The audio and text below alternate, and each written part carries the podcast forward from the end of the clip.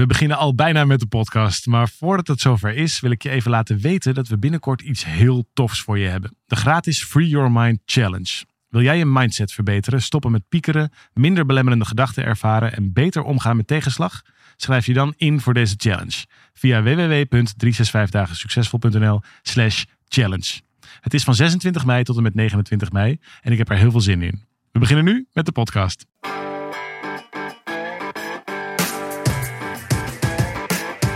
Van harte welkom bij deze podcast van 365 dagen succesvol. Wij zijn David en Arjan en we delen in deze podcast de eye-openers die cruciaal zijn voor een gelukkiger leven.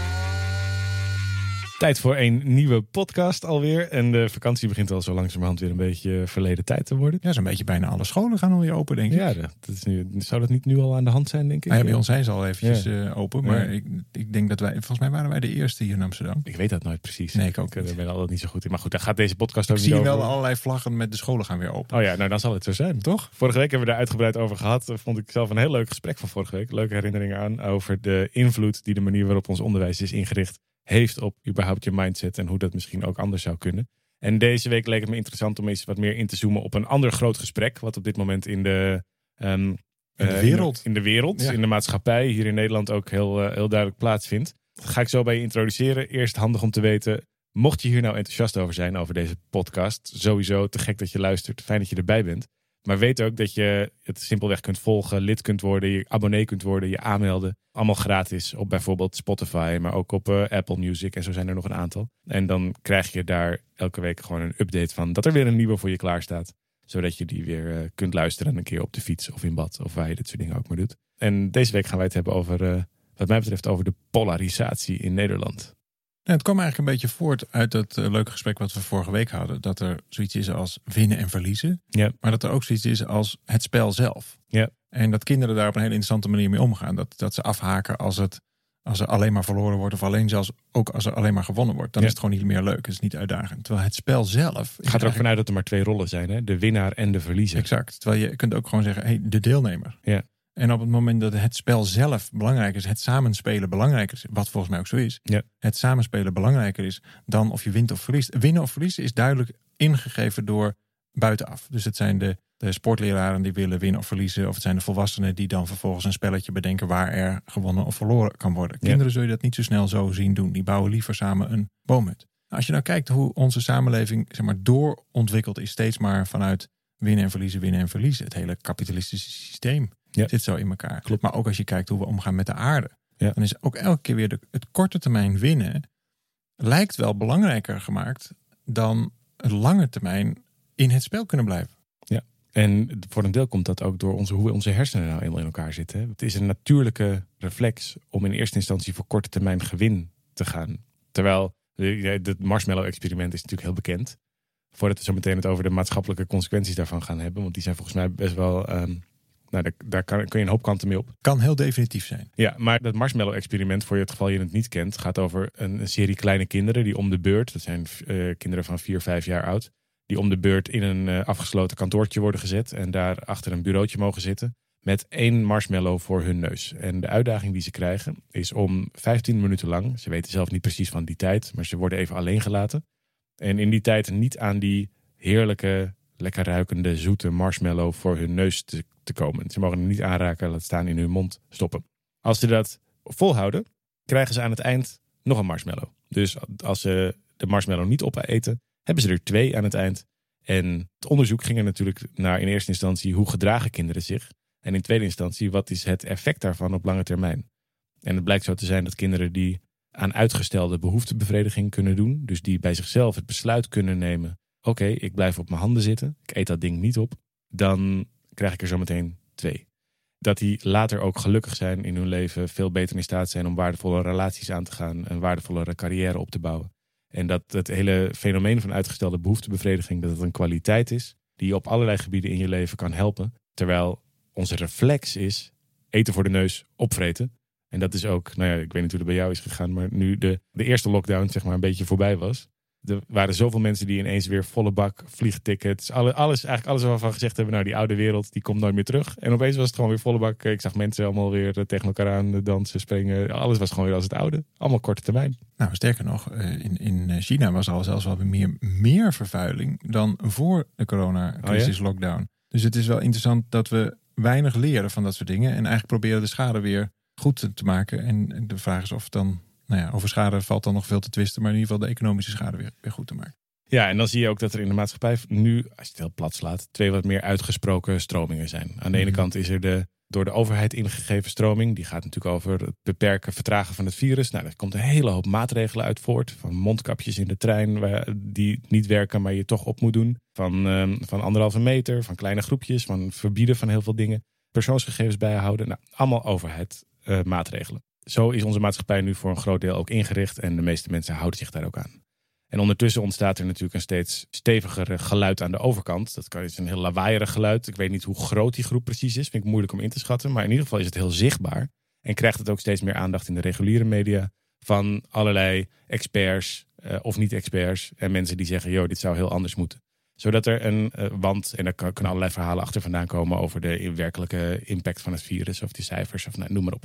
En wat er bestaat, zijn dan opeens twee kampen. Ja, het werkte enorm ontwrichtend, Ja. dit soort eh, dingen. En ze noemen het ook wel social distancing. Maar ik denk ook dat er behoorlijke social verscheuring plaatsvindt. Omdat Ja. het ook, je krijgt heel duidelijk voor en tegen. Meteen weer gaat het over wie er gelijk heeft en wie de winnaar en de verliezer is in dat stuk.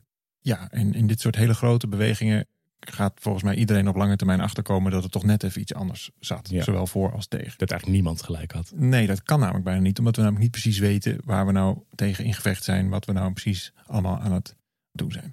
En overigens denk ik dat beide kampen ook van zichzelf zullen zeggen dat ze dat met de beste bedoelingen doen. Tuurlijk, Ik denk dat de meeste mensen ook echt wel met de beste bedoelingen dat soort dingen inzetten. Ja, waar ik alleen niet zo van hou is het zo agressief zwart maken van andere kampen. Dus dat, er- want dat er een soort goed, dat er een goed slecht. Je kunt van mening verschillen zonder dat de ander een slecht persoon is. Snap je? En dat zie je vaak bij dingen die polariseren. Mhm. Dat dan als je het eens bent met jouw tribe of met jouw omgeving, dan is het een hele kleine stap naar te zeggen dat de ander niet alleen ongelijk heeft, maar dat de ander dom is, slechte intenties heeft, andere belangen heeft. En die verdachtmakingen die, die heen en weer gebeuren, daar eh, ben ik echt loeiallergisch voor. Er zijn mensen verminder vermoord. Ja. Er zijn natuurlijk hele, hele geloofstromingen. Dit is trouwens ook een geloof. Ja. Alles wat je niet, namelijk niet weet, alle, waar de feiten ophouden, begint geloof. Nou, Ja. Dat zijn dus ook eigenlijk geloven, want we weten het namelijk allemaal niet precies. Nee, in ieder geval niet op lange termijn. Nee. Nee. Dus dat, dat gaat dan over geloof. En hoor je in mijn kamp of hoor je niet in mijn kamp. En dan vind ik het eigenlijk nog wel een zegen om in Nederland te wonen. Waar er nog met een polderachtige manier zo een beetje van die... Nog min of meer gemoedelijk. Of, gemoedelijk of een soort van proberen om het toch nog een beetje, niet Ja. helemaal zo. Dat, dat kan ook echt een stuk vervelender. Ja. Eh, Maar, maar wat, wat volgens mij... Nou, dan laat ik één, één klein uitstapje maken. Als je kijkt naar... en jij noemde het net al heel even, de werking van de hersenen. We zijn heel erg geprogrammeerd om op die korte termijn Ja. te zitten. Die marshmallow moet op. Nou, het is eigenlijk ook wel logisch, want als je. Kijk, wij zijn nog helemaal niet zo heel oud hè, als, als soortje. soort. Nee, en, en zeker niet heel, heel oud als bovenaan de voedselketen. We hebben natuurlijk heel lang ergens in het midden van, van die voedselketen gezeten. En, en, en pas, wat is het, 70.000 jaar geleden of zo. Dat we een beetje naar boven begonnen te drijven. Ja. Om, om allerlei, nou ja, onwaarschijnlijk aanwijsbare factoren. Maar in ieder geval, neuraal gezien, dus je hersenen waren al veel ouder. Ja. Dus de soort bestaat al iets van 200.000 jaar of zo. En die, die hersenen zijn niet eens zo wezenlijk veranderd. En wat er nou zo logisch aan lijkt, denk ik, als je me dit zo zegt.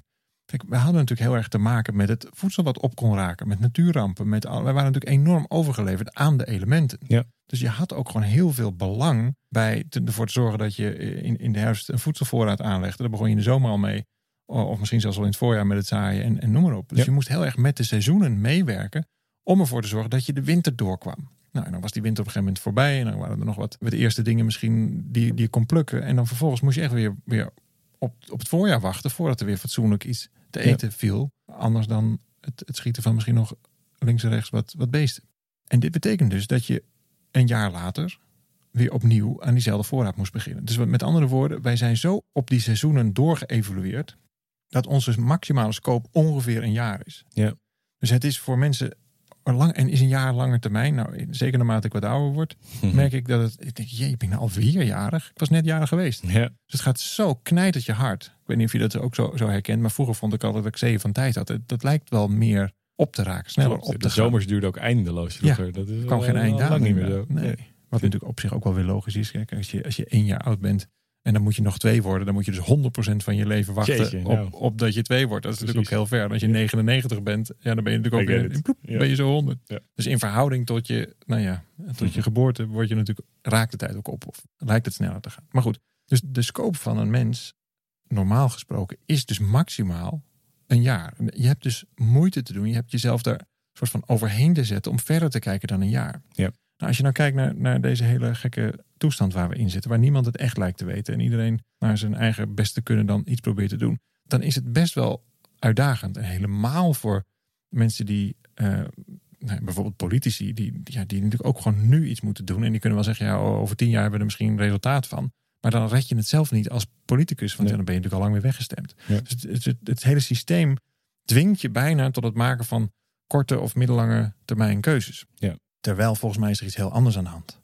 Als je werkelijk goed kijkt naar wat hier gebeurt, dan is het hele, überhaupt het hele ontstaan van dat hele COVID-19, dat is natuurlijk eigenlijk een verlengstuk van hoe wij met de aarde omgaan. Hoe wij als soort leven. Of het nou uit een laboratorium is ontsnapt of op een wet market is ontstaan of whatever. Het, het is door menselijk handelen, door de manier hoe wij onszelf organiseren, is dat ontstaan. Denk je dat dit de enige keer is dat zoiets gaat gebeuren? Nee. De manier waarop wij ons verplaatsen, de manier dat, dat binnen een paar maanden de hele wereld besmet zou zijn geraakt. Man, als dit een paar honderd jaar geleden was gebeurd, had je het niet eens geweten. Nee. Stel als het al spontaan zo was ontstaan, die kans is ook al betrekkelijk klein, maar stel dat dat dan zo zijn, zijn geweest, hadden we het helemaal nooit geweten, had ons nooit bereikt. Omdat we gewoon simpelweg niet zo snel ons verplaatsen over de wereld. Nee. Dus er is volgens mij iets heel anders aan de hand, namelijk dat we zouden moeten kijken hoe organiseren we nou dit hele gebeuren, zodat we met elkaar in dit leuke spelletje kunnen blijven. Ik vind het heel erg waanzinnig, een enorm cadeau om te leven. Ik vind het echt, ik geniet daar elke dag van. Dat je, dat, dat je de bloemetjes kunt ruiken, dat je dingen kunt maken, dat je kunt denken, dat je, dat je alles mag ervaren. Dat is toch een, een, is toch een godzegen. Dat is Ja. toch zoiets geweldigs. En als je dan uitzoomt, verder uitzoomt, verder uitzoomt en kijkt wat hier nou eigenlijk aan de hand is, dan zie je eigenlijk niet iets heel rooskleurigs. En daarmee interpreteer je zo'n pandemie als een, eigenlijk als een, als een signaal, als een wake-up call of zo. Dat is natuurlijk, er kwamen natuurlijk in het voorjaar ook wel meer mensen die zo zeiden van nou, we zouden wat beter voor de aarde moeten zorgen en vanaf nu leren we het. En vervolgens werd het allemaal weer wat meer ontspannen in het begin van de zomer. En leek het wel alsof er helemaal niks van dat soort dingen werkelijkheid is geworden. Dus wat zou dat dan betekenen voor de... Voor ik, sprak een, ik sprak een goede vriend van mij. Die, die woont ergens afgelegen in een, eh, een prachtige eh, canyon. Hoe heet dat? In een ehm, kloof, ja, kloof. Maar dat heet, dat is een vallei. vallei. Een vallei, dankjewel. In Spanje. En jij kent hem trouwens. we zijn er samen eens geweest. Ja, prachtig. En ik, ik belde hem en hij zei... David, ik zou zo weer tekenen voor een, een tweede lockdown. Ik zeg, hè? Maar jouw hele business is, is verdwenen. Dat kan gewoon niet meer wat jij doet. Alle toeristen die daar überhaupt naartoe gingen... dat zijn er ongeveer 20.000 per jaar... die zijn in één klap allemaal weg. Zijn hele jaar is voorbij. Nou zat hij al niet heel erg dik bij kas. Nee. Dus die man heeft gewoon een enorm economisch probleem. Hij zei, ik heb gezien hoe snel de natuur weer inademt. Hoe snel de natuur zich herstelt. Mhm. Nu er even gewoon een paar maanden geen enkele toerist door de vallei is gegaan. Hoe ongelooflijk mooi de vallei erbij staat, heb ik gewoon in al die jaren nog nooit gezien. Ja. Dus dat is echt heel bijzonder. En twee, ik zie nu dus, nu dus dat het allemaal weer is opgeheven, hoe weinig we hebben geleerd. Er is zo ontzettend weinig geleerd. We gaan gewoon weer verder waar we gebleven waren. Want dan ging dit gewoon over. Dan is dit straks weer achter de rug. En kunnen we gewoon weer doorlopen in die doodlopende straat waar we met z'n allen al in waren gegaan. Ja.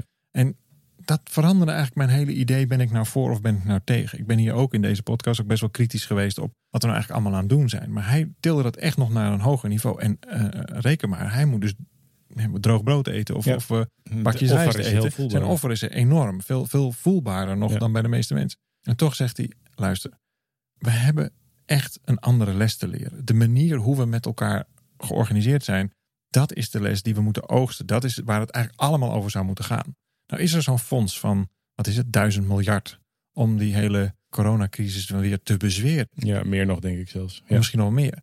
En dat kun je dus op allerlei manieren aanwenden. En dan komt het. Ga je voor de korte termijn, ga je dus investeren in, in de varkensindustrie die weer een extra impuls moet hebben. Want eh, de, in Spanje schijnen ze minder varkensvlees te eten. En dan gaan we miljoenen in pompen. En je kunt dat ook aan andere dingen besteden. Dus dan eh, het is hartstikke goed dat er natuurlijk een herstel moet plaatsvinden. Dat is ook logisch.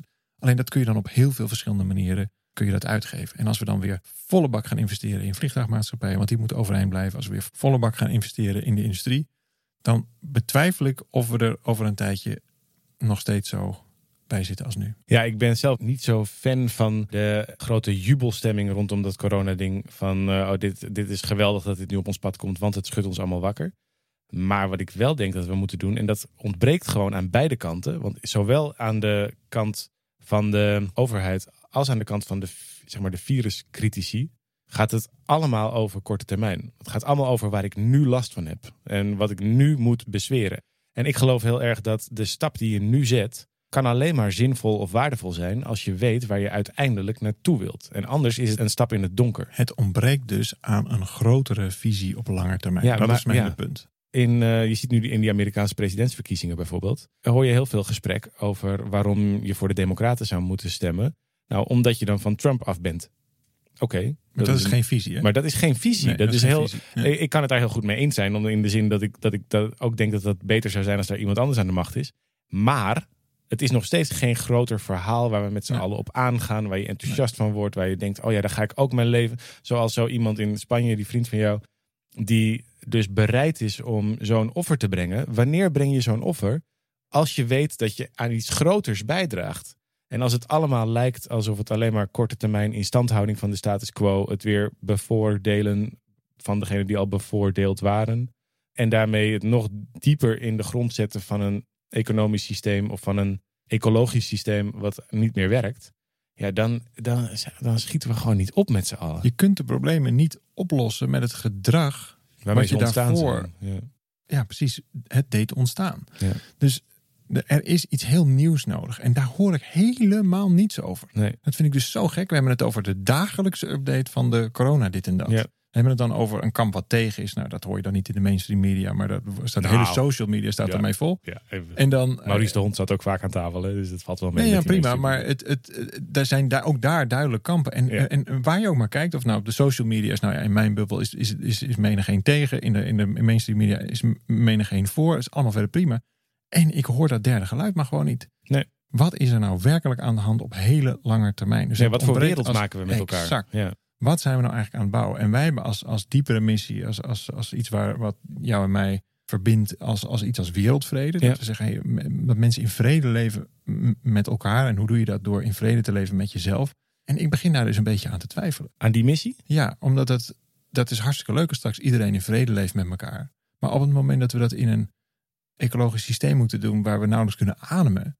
Ja, dan, dan, is er ook geen vrede. Dan is er, weer geen vrede. Nee, nee, ik denk dat mensen die in vrede leven met zichzelf, die maken geen dingen kapot. Die, die beginnen geen oorlog, die zijn niet destructief, die, uh, die hebben respect voor andere dingen die leven. Daar ben ik eerlijk gezegd niet zo. Daar, ik ben daar wel wat optimistischer over. Maar vooral hoop ik, en ik denk dat uh, uiteindelijk in essentie de meeste mensen deugen. Toch? De meeste mensen zijn goed. Dus wat betekent dat? Dat als we met elkaar het gesprek durven voeren over wat voor wereld willen we hebben, dan gaan die kampen het ook weer met elkaar eens worden. Omdat uiteindelijk iedereen daar een vergelijkbaar beeld bij heeft. Er zijn altijd wat gekkies, wat uitzonderingen hier en daar. Maar uiteindelijk zul je merken dat de meeste mensen vinden elkaar daar gewoon in. Natuurlijk, alleen het is natuurlijk ook zo dat het zijn niet de slechte mensen die het uiteindelijk allemaal verkeerd met ons voor hebben en, en de verkeerde dingen doen. Het zijn vooral vaak goede mensen die niks doen. Ja. En volgens mij is dit een, een, een nou ja, een oproep of in ieder geval een start van iets waarvan ik denk, hey, hier zouden wij ook jij en ik iets mee kunnen. Namelijk met het geluid van dat derde, die derde optie. Ik weet ook niet precies wat die derde optie is. Ik heb niet een panklaar idee. Ik ben ook niet per se voor of tegen. Maar ik weet wel dat het ontbreekt aan visie. Ja. En op het moment, en dat is natuurlijk hartstikke moeilijk, dat begrijp ik ook wel. Want dan heb je en niet over 2021, hè, maar over 2100. Daar hebben we het over te hebben met elkaar. De wereld van onze kleinkinderen. Exact. En de wereld van onze kleinkinderen is volgens mij iets wat mega kan verbinden. Ja. Ik ben absoluut bereid om de rest van mijn leven rijst te eten met een beetje boter en suiker. Dus nog best, kom je best een eind mee weg. Ja. Als mijn klein, achterkleinkinderen, whatever, uiteindelijk als we ze kunnen overleven in een groenere, mooiere wereld kunnen achterlaten, dan is dat een prima offer. Maar op het moment dat we elkaar nu allemaal lopen te bevechten, bekvechten en hele domme keuzes maken, waardoor onze kleinkinderen en achterkleinkinderen het veel zwaarder zullen hebben dan wij nu al. Ja. Dan denk ik, ja, dan is, kan het ook weer niet zo heel moeilijk zijn om de rest daarop te mobiliseren. Dat is een verhaal wat volgens mij wel ook nu de juiste prikkels kan, kan uitdelen. Nou, dat is in ieder geval iets waar ik graag uh, verder over na wil denken. Ja, laten we weer over de toekomst durven praten. In plaats van over het gedoe van vandaag. Want ik denk dat in het beeld van de toekomst heel veel antwoorden zitten op de keuzes die we vandaag maken. En dan is het ook niet zo erg. Ik loop er, erop gerust met een jaar met een mondkapje op. Interesseert me niks als Nee, ik weet dat het uiteindelijk is voor een groene wereld. Tuurlijk. Dat we daar dit en dit mee doen. Dat lijkt me hartstikke prima. Alleen dat laatste stuk ontbreekt. En dus krijg je ook een heel duidelijk anti-geluid op. Ja, het is me niet duidelijk waarom ik zo'n mondkapje op moet. Of Nee. jullie verzinnen maar wat. Nee, een offer zonder resultaat is niks. Dat is Exact. geen, ja. Exact. En dan wordt het dus een nieuw soort samenleving. Alsof dit altijd zo zal blijven. Nou, één ding weet ik heel erg zeker. Nooit blijft iets bij hetzelfde. Dat is gewoon niet zo. Gelukkig niet. Valt er altijd weer wat te ontdekken. Mooi, ik ben benieuwd wat je hiervan vindt. Eh, laat het vooral weten. En het is vooral fijn als je hierop reageert. Laten we het gesprek voeren over wat voor wereld het dan zou moeten zijn. We zitten niet per se te wachten op allerlei epistels over waarom we wel of geen mondkapjes zouden moeten dragen. Of wat de overheid wel of niet goed of slecht doet. Of over eh, al dat soort dingen van die er nu spelen. Maar vooral willen we het gesprek openbreken over waar gaan we met elkaar precies naartoe. Dus als je daar een visie over hebt, een beeld over hebt, een verlangen bij hebt, misschien wel een heel goed idee, wat het ook maar is. Een frustratie mag natuurlijk ook. Laat het ons vooral weten en dan gaan we er weer mee verder volgende keer. Ja, wij zijn er gewoon volgende week weer eens kijken waar we het dan over gaan hebben. Als je dit nou leuk vindt, abonneer je dan op ons kanaal op Spotify of op iTunes. Eh, Apple noemde je het, Apple Music. Het zal wel heel modern zijn, zoals dat het wel heet tegenwoordig. Nou goed, fijn als je je daar in ieder geval op, eh, op abonneert. Zeg het tegen anderen, dan zijn wij er volgende Deel week het. gewoon weer. Ja. En dan wens ik je een hele goede week. Later.